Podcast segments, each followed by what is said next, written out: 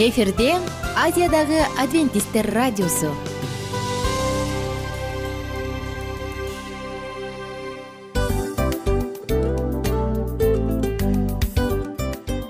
Достор салют. Баардык сүйүктүү угармандарыбызга салам айтабыз. Кутман күнүңүздөр менен.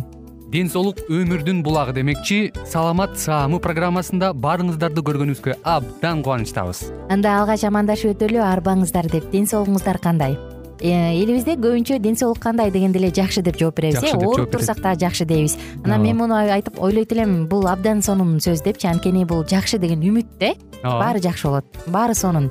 Деп үмүттөнүп атып эле өзүбүздү өзүбүз дарылап коебуз.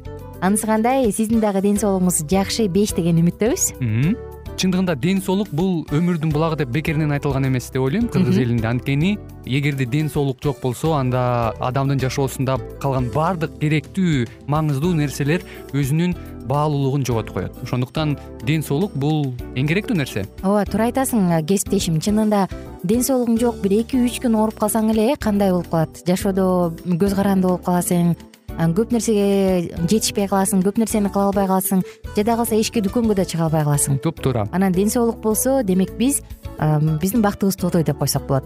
Анда достор саламат саамы рубрикабызды баштайлы. Алдыда өзүңүзгө керектүү болгон сонун кеңештерди уга аласыздар. Мына ошондуктан биз менен бирге болуңуздар. Ал эми биз болсо милан жана айнура. Кеттик алга. Алга саламат саама ден соолуктун жарчысы. Саламат саама ден соолуктун ачкычы. Күн сайын сиз үчүн мыкты кеңештер сонун жаңылыктар кызыктуу фактылар. Биздин рубрикада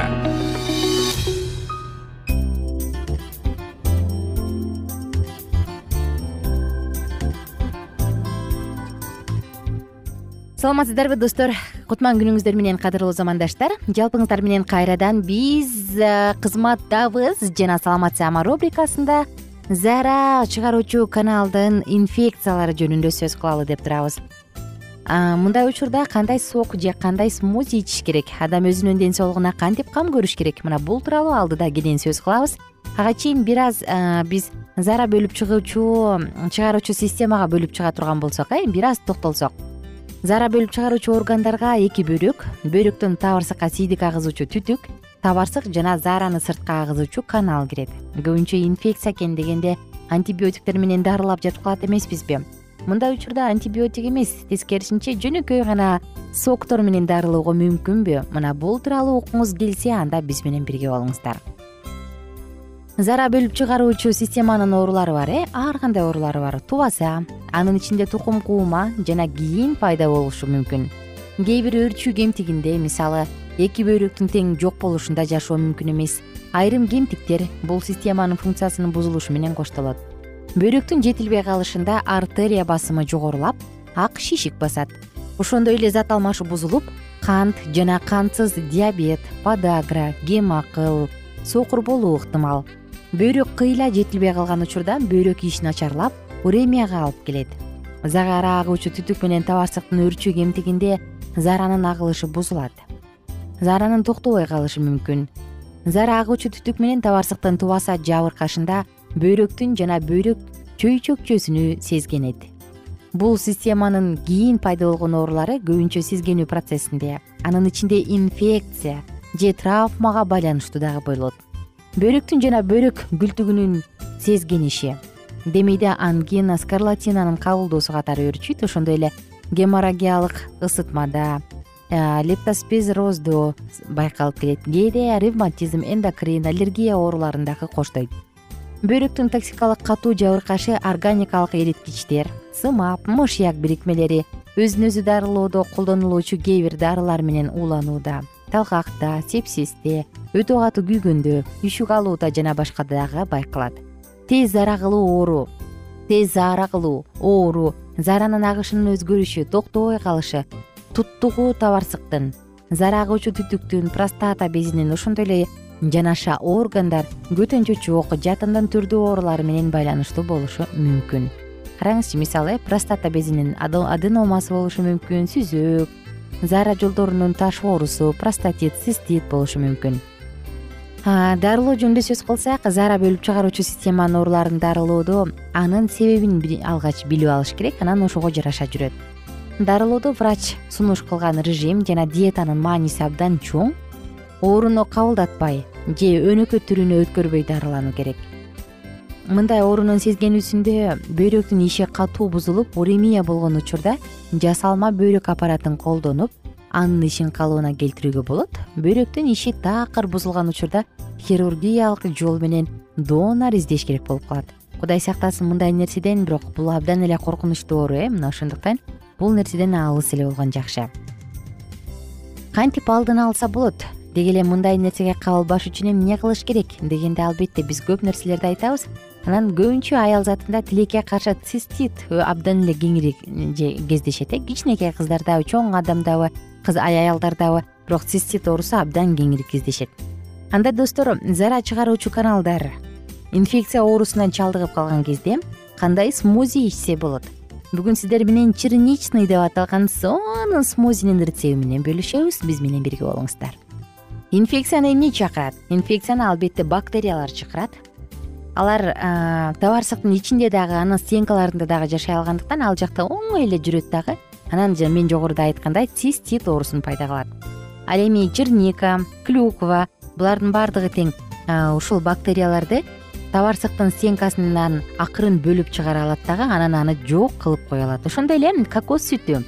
Анда дагы антибиотик сыяктуу таасир кылуучу мыкты бир каражат бар зат. Бирок ошентсе дагы ал антибиотиктер көбүнчө иммундук системди начарлатса кокос сүтү тескерисинче антибиотик сыяктуу таасир кылат. Бирок достор организмде иммундук системаны бекемдетет.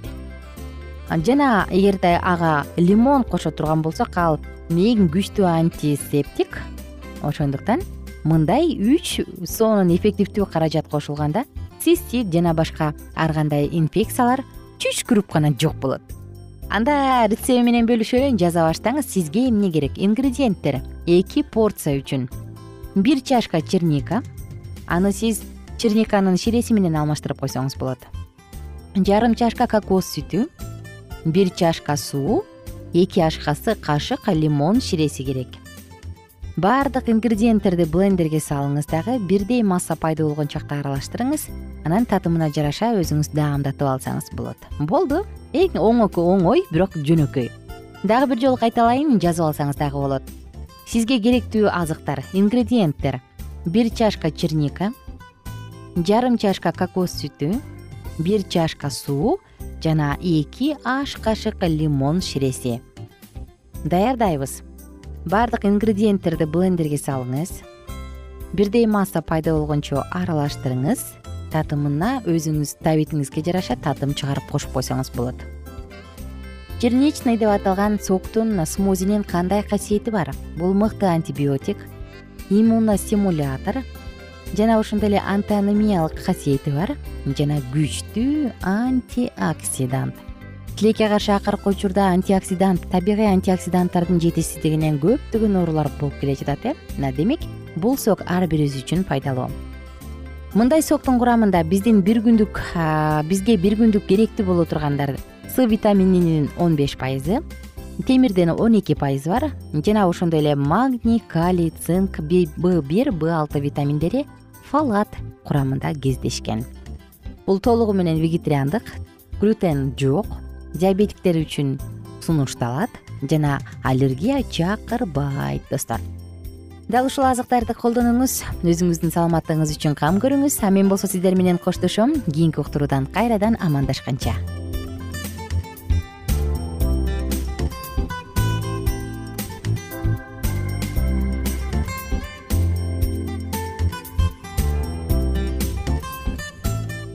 кененирээк маалыматтар үчүн үч w чекит саламат чекит клуб сайтына келип таанышыңыздар. Жана андан тышкары социалдык тармактарда youtube facebook жана instagram баракчаларына катталыңыз. Саламат саама ден соолуктун жарчысы. Саламат саама ден соолуктун ачкычы. Күн сайын сиз үчүн мыкты кеңештер сонун жаңылыктар кызыктуу фактылар биздин рубрикада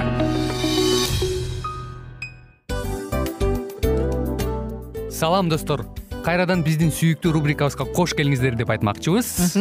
Баардык замандаштарыбызга арбаңыздар деп саламыбызды айтабыз. Улуу ушундай бир э, урматтаган учурашуу менен анан дил маек радио баракчабызга чакырабыз. Негизи дил маек биздин рубрикабызда эмне жөнүндө кеп кылабыз бул дил маектин мааниси эмнеде рубрикабыз менен кичине тааныштырып кетсеңиз. Сөзсүз түрдө тааныштыра кетейин. Кесиптешим суранычы боюнча бул учурда бул радио баракчада биз ар тарап кесип ээлеринен сонун кеңештерди алабыз сүйлөшөбүз сырдашабыз. Аталарыбыздын эжелерибиздин апаларыбыздын кеңештерин угабыз айтор. Жан дүйнөгө адамдын э, сапатына адамдын деги эле адам болуп жашашына керектүү баардык кеңештер алдыда.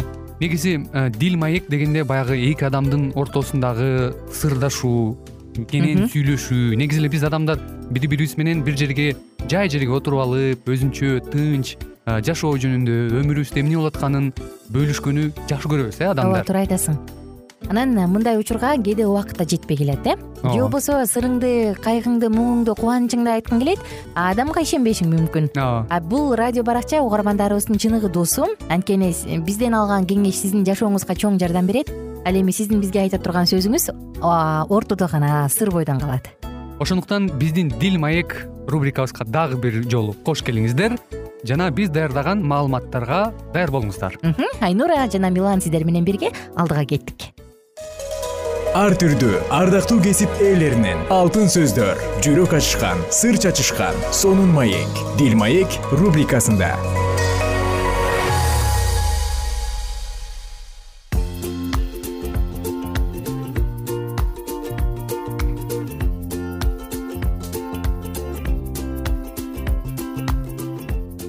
Салют достор кандайсыздар угармандар? Жалпыңыздар менен дил маек уктуруусунда биз анна жөнүндө улантабыз.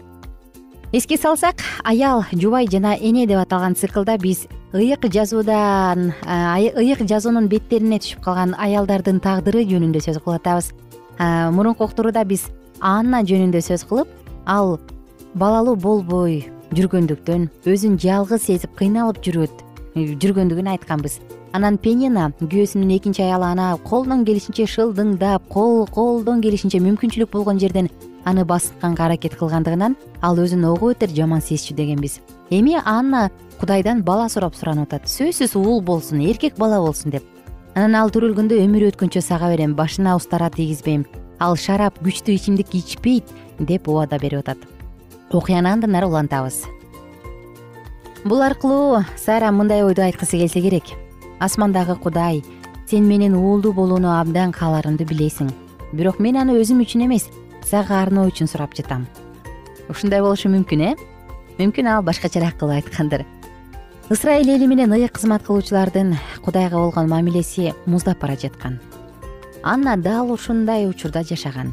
Өзүнүн башкаларга карата таасири жана мүмкүнчүлүктөрү чектелүү болгонуна карабастан ал ишенимин таза сактаган. Өлкөгө кудай менен элди байланыштырып турган чынжыр боло турган адам кудай менен болгон байланышты калыбына келтирип жаңы келечекке жол баштай турган адам керек. Аннанын жүрөгү өзү үчүн эле эмес эл үчүн жана элдин кудайга болгон мамилеси үчүн да ооруп атабы анын сыйынуусунун ушундай көп маанилүү ойду камтыгандыгы ушул себептен эмеспи? Улуттук жана рухий көйгөйлөрдүн чечилишине өзү да катышаарын ал алдын ала көрдүбү? Бекем ишеним менен ооба деп айтууга болбосо да ушундай болушу толук мүмкүн. Элдин жана ыйык кызматтагылардын рухий абалынын начардыгы эйлинин аннага кылган мамилесинен да байкалат. Эйли аннаны аяган дагы түшүнгөн да жок. Масың качан тарайт? Соолук деди эйли ага. Караңызчы э? Өз уулдарын жетишерлик катуу кармай албаган ыйык кызмат кылуучу аннага өтө орой мамиле кылды ошол учурда мас адамдар менен өзүн кармай албаган аялдардын чогулуштарга келиши кадыресе көрүнүшкө айланып калган. Эйли муну таң калыштуу нерсе катары кабыл алчу эмес. Анткени өзүнүн уулдары жыйын чатырынын кире беришине чогулган аялдар менен көңүлдөш болуп алышчу. Анна кудайдын катышуусун чынында эле сезип турду. Ошол себептен ал актанган жок. Ал элинин орой мамилесине дагы чыдап көтөрүп кое алат ал таарынган жок. Абалды бир нече сөздөр менен гана түшүндүрүп берди. Эйли өзүнүн ыйык кызмат кылуучу экенин кокусунан эстей калып мындай деди. Тынчтык менен бар. Ысрайылдын кудайы сураганыңды берсин аннанын кудайдан эмне сураганын ал билген жок. Бирок кудайдын тапшырмасы боюнча кудай сени укту деди. Бул сөздөр аннанын жүрөгүн кудайдын тынчтыгына толтурду мындай тынчтык ар бир ишеним сыйынуусунун артынан келет. Өзүнүн баардык түйшүктөрүн ал кудайга жүктөдү. Көптөгөн кылымдардан кийин еврейлерге жазылган каттын автору ишеним бул үмүттөнүп күтүп жаткан нерсенин ишке ашарынан шектенбөө жана көрүнбөгөн нерсеге бекем ишенүү деп жазган. Анна ушуну башынан өткөрдү. Кудай сыйынуусун укканына ал бекем ишенди аннанын жашоосунда көрүнүктүү өзгөрүүлөр байкалды. Анын тамакка табити тартып жүзү мурункудай капалуу болбой калды. Ишеним коштогон жашоо ачык көрүнөт. Ошондуктан мындай жашоо көмүскөдө калышы мүмкүн эмес. Төрөлгөн баланын ысымы шемуэль кудай укту дегенди түшүндүрөт. Ошол себептен аннанын ырайым кылынган деген маанидеги ысымы дагы жаңы мааниге ээ болду. Анна эми мурункудай байкалбаган басынтылган аял эмес. Артыкча укукка ээ аял сыйынуусу анын жашоосундагы чечүүчү учур болду. Бир нече убакыт өтүп кудай сөзү кайрадан бүтүндөй ысрайылда жар салына баштады. Кудай шемуэлдин өспүрүм кезинде эле ал аркылуу өзүн таанытты. Дандан беер шебага чейин түндүктөн түштүккө чейин эл шемуэлдин кудай тарабынан жиберилген пайгамбар экенин билип калышат. Белиштиликтер тарабынан тартылып алынып арам болуп калган теңирдин келишим сандыгы ысрайылга кайра алып келинет буркандарга табынуунун ордуна кайрадан кудайга табына башташат. Ысрайылдын кас душмандары менен тынчтык түзүлөт. Анткени шамуэлдин көзү өткөнчө теңирдин колу периштеликтерге каршы турду. Ысрайыл тарттырып жиберген шаарлар кайрадан кайтарылып келинет. Энесинин ишеними уулуна да өтөт. Кылымдар өткөндөн кийин анын ысымы ишеним баатырларынын ысымдарынын арасына жазылат. Ал падышачылыкты ишеним менен жеңип алган адамдардын катарында экендиги кошумчаланат. Төрөлүшү сыйынуунун жообу болгон. ысымы да ошол жөнүндө күбөлөндүрүп турган шемуэль өзү ишеним баатыры болуп калды. Сыйынбай коюу ал үчүн күнөө кылууга барабар эле. Кудай ага жооп берет. Пайгамбар жана ыйык кызмат кылуучу катары кызмат кылып башкаруучу катары башкарган шемуэлге ысрайыл эли эмнеси менен төлөп берерин келечек көрсөтөт. Анна сен сыйынууңдун жообун көргөндө ырайым кылынган аял экениңди сездиңби уулуң өз элинин тарыхында ушундай негизди ролду ойногон болсо сара менен ребекага берилгенде артыкчылык сага да берилген эмеспи аннанын сыйынуусу ыйса теңир шакирттерине үйрөткөн асмандагы атабыз сыйынуусуна жакын. Бул сыйынуу менен анна ырдаган даңктуу ырын ырынын ортосунда даңктуу мезгил жатат. Ал башкаруучу шемуэлдин кызмат кылуу мезгили. Шемуэль эмчектен чыгарылары менен анна өзүнүн убадасын аткарып уулун кудайга кайрып берди. Ал ошондо эки үчб же беш жашта болсо керек э болжол менен. Ошол күндөн тарта ал уулун күйөөсү экөө шилага курмандык алып келишкенде гана жылына бир жолу көрөт. Аннанын берилгендиги анын сыйынуусунда эле өзгөчөлүккө ээ. Караңыздарчы достор кандай керемет э ал анна сыйынды ишенип суранды кудай ага сыйынуусуна жооп берди. Ишеним менен сыйынуу абдан мааниге ээ биз сиздер менен бүгүн аннанын жашоосунан үзүндү окуп карап өттүк. Албетте эгер сиз шамуэль китебин окуй турган болсоңуз анда бул тууралуу абдан сонун кереметтерди окуйсуз. А биз болсо сиздер менен коштошобуз достор. Кийинки уктуруудан амандашканча бар болуңуздар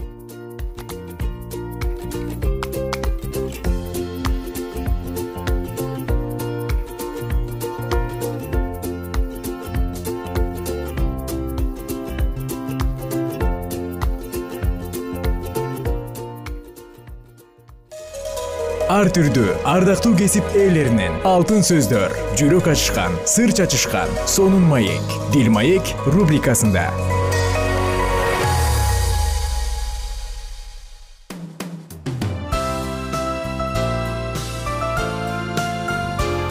Эфирде азиядагы адвентисттер радиосу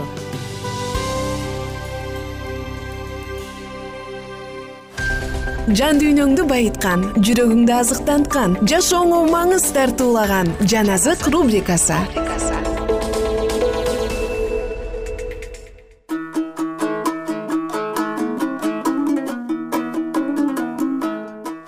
Салам достор. Жалпы биздин сүйүктүү угармандарыбызга ысык салам айтабыз. Жана сиздер менен бирге жан азык уктуруусунда. Инжил китебинде жазылган элчилердин иштери китебин андан ары окууну улантабыз элчилердин иштери жыйырма сегизинчи бөлүм. Жээки аман эсен чыккандан кийин аралдын аты мелит экендигин билдик. Жергиликтүү эл бизге өзгөчө адамгерчилик көрсөттү. Алар от жагып бизди чакырышты. Анткени жамгыр жаап суук болуп жаткан эле. Пабыл бир топ кургак чырпык терип келип отко салып жатканда ысыктыктан улам бир уулуу жылан чыгып анын колуна жабышты жергиликтүү эл анын колуна жабышкан жылаанды көргөндө бири бирине бул адам киши өлтүргүч болсо керек. Деңизден аман чыкса да акыйкаттык аны тирүү калтырган жок дешти. Бирок пабыл жыланды отко силкеп таштады. Андан эч кандай зыян тарткан жок. Алар пабылдын денеси шишип кетет же болбосо ал мөрт өлөт деп күтүп жатышкан эле. Бирок бир топ убакыт өтсө да ага эч нерсе болгон жок. Ошондо алар ойлорун өзгөртүшүп бул бир кудай болсо керек дешти. Ал жерден алыс эмес жерде аралдын башчысы публий деген адамдын жери бар эле. Ал бизди чакырып үч күн меймандостук менен коноктоду публийдин атасы ысытма жана ич өткөк менен ооруп жаткан. Пабыл анын жанына барды да сыйынып колдорун анын үстүнө коюп аны айыктырып койду. Ошондон кийин аралдагы башка оорулуулар да келип айыгып жатышты алар бизге урмат сый көрсөтүп жолго чыгарыбызда керектүү нерселер менен камсыз кылышты. Үч айдан кийин ушул аралда кыштаган эгиз кудайлар деген александриялык кеме менен биз деңизге чыктык. Сиракуза шаарына барып ал жерде үч күн болдук. Ал жерден чыгып регия шаарына келдик. Бир күндөн кийин түштүк шамалы соккондуктан эртеси күнү путеол шаарына келдик. Ал жерден бир туугандарды таптык алар бизден жети күнгө калуубузду өтүнүштү. Андан кийин римге жол тарттык. Ал жердеги бир туугандар биз жөнүндө угуп апи аянтына жана үч мейманкана деген жерге чейин келип бизди тосуп алышты. Пабыл аларды көргөндө кудайга ыраазычылык билдирди жана кайраттанып да калды. Римге келгенибизде жүз башы туткундарды падышанын аскер падышасына тапшырды пабыл болсо бир аскер менен өзүнчө жашоого уруксат берилди. Үч күндөн кийин пабыл жүйүттөрдүн эң атактуу адамдарын чакыртты.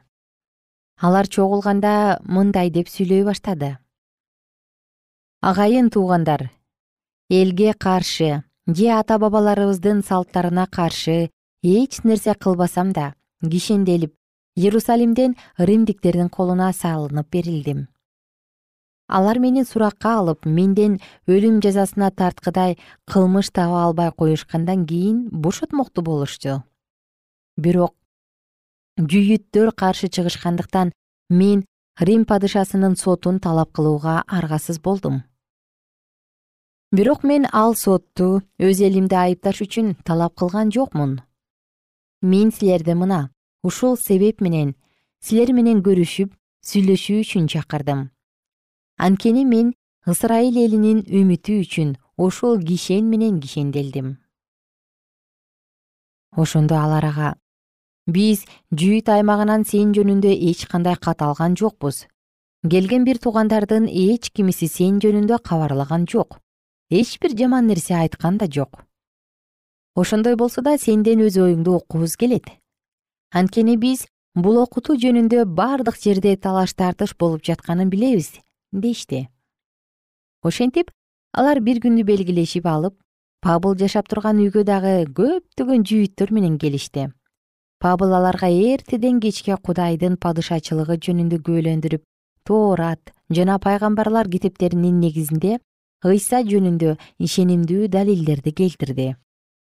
Кээ бирөөлөрү айтылган сөздөргө ынанышты. Ал эми кээ бирөөлөрү ишенишкен жок өз ара келише албай алар тарай башташты. Ошондо пабыл аларга мындай деди. Ыйык рух ышая пайгамбар аркылуу биздин ата бабаларыбызга мындай деп туура айткан экен. Бул элге барып айт. Кулагыңар менен угасыңар бирок түшүнбөйсүңөр. Көзүңөр менен карайсыңар бирок көрбөйсүңөр анткени көздөрү менен көрбөш үчүн кулактары менен укпаш үчүн жүрөктөрү менен түшүнбөш үчүн мага кайрылып айыкпаш үчүн бул элдин жүрөгүн май басты. Кулактары катууланды алар көздөрүн жаап алышты. Ошондуктан билип алгыла кудайдын куткаруусу бутпарастарга жиберилди. Муну мына ошолор угушат. Ал ушул сөздөрдү айтканда жүйүттөр өз ара көпкө талашып тартышып тарап кетишти. Пабыл римде эки жыл батирде жашады. Келгендердин баарын кабыл алып кудайдын падышачылыгы жөнүндө теңир ыйса машаяк жөнүндө кайраттуулук менен айтып аларды тоскоолдуксуз окутуп жатты.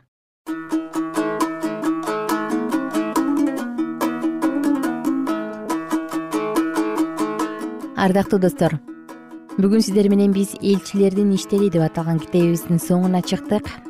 Бул алгачкы учурдагы жыйын жыйындын түптөлүүсү ыйык рухтун жерге түшүшү элчилердин иштери тууралуу сонун маалыматтардын баардыгын мына дал ушул китептен окудук.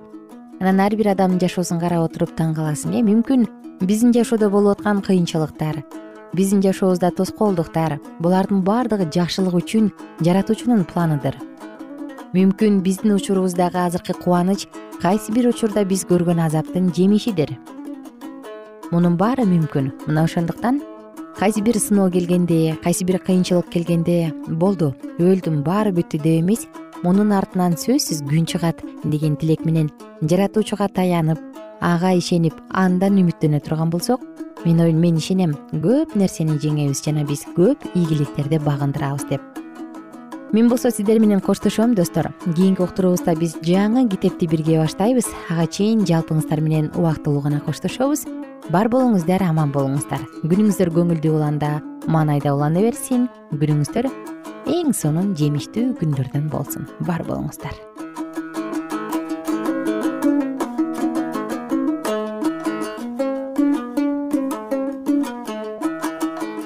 эгер сиздерде суроолор болсо же көбүрөөк маалымат билем десеңиз анда биздин whatsapp номерибизге жазыңыз. Плюс бир үч жүз бир жети жүз алтымыш алтымыш жетимиш. Кайрадан плюс бир үч жүз бир жети жүз алтымыш алтымыш жетимиш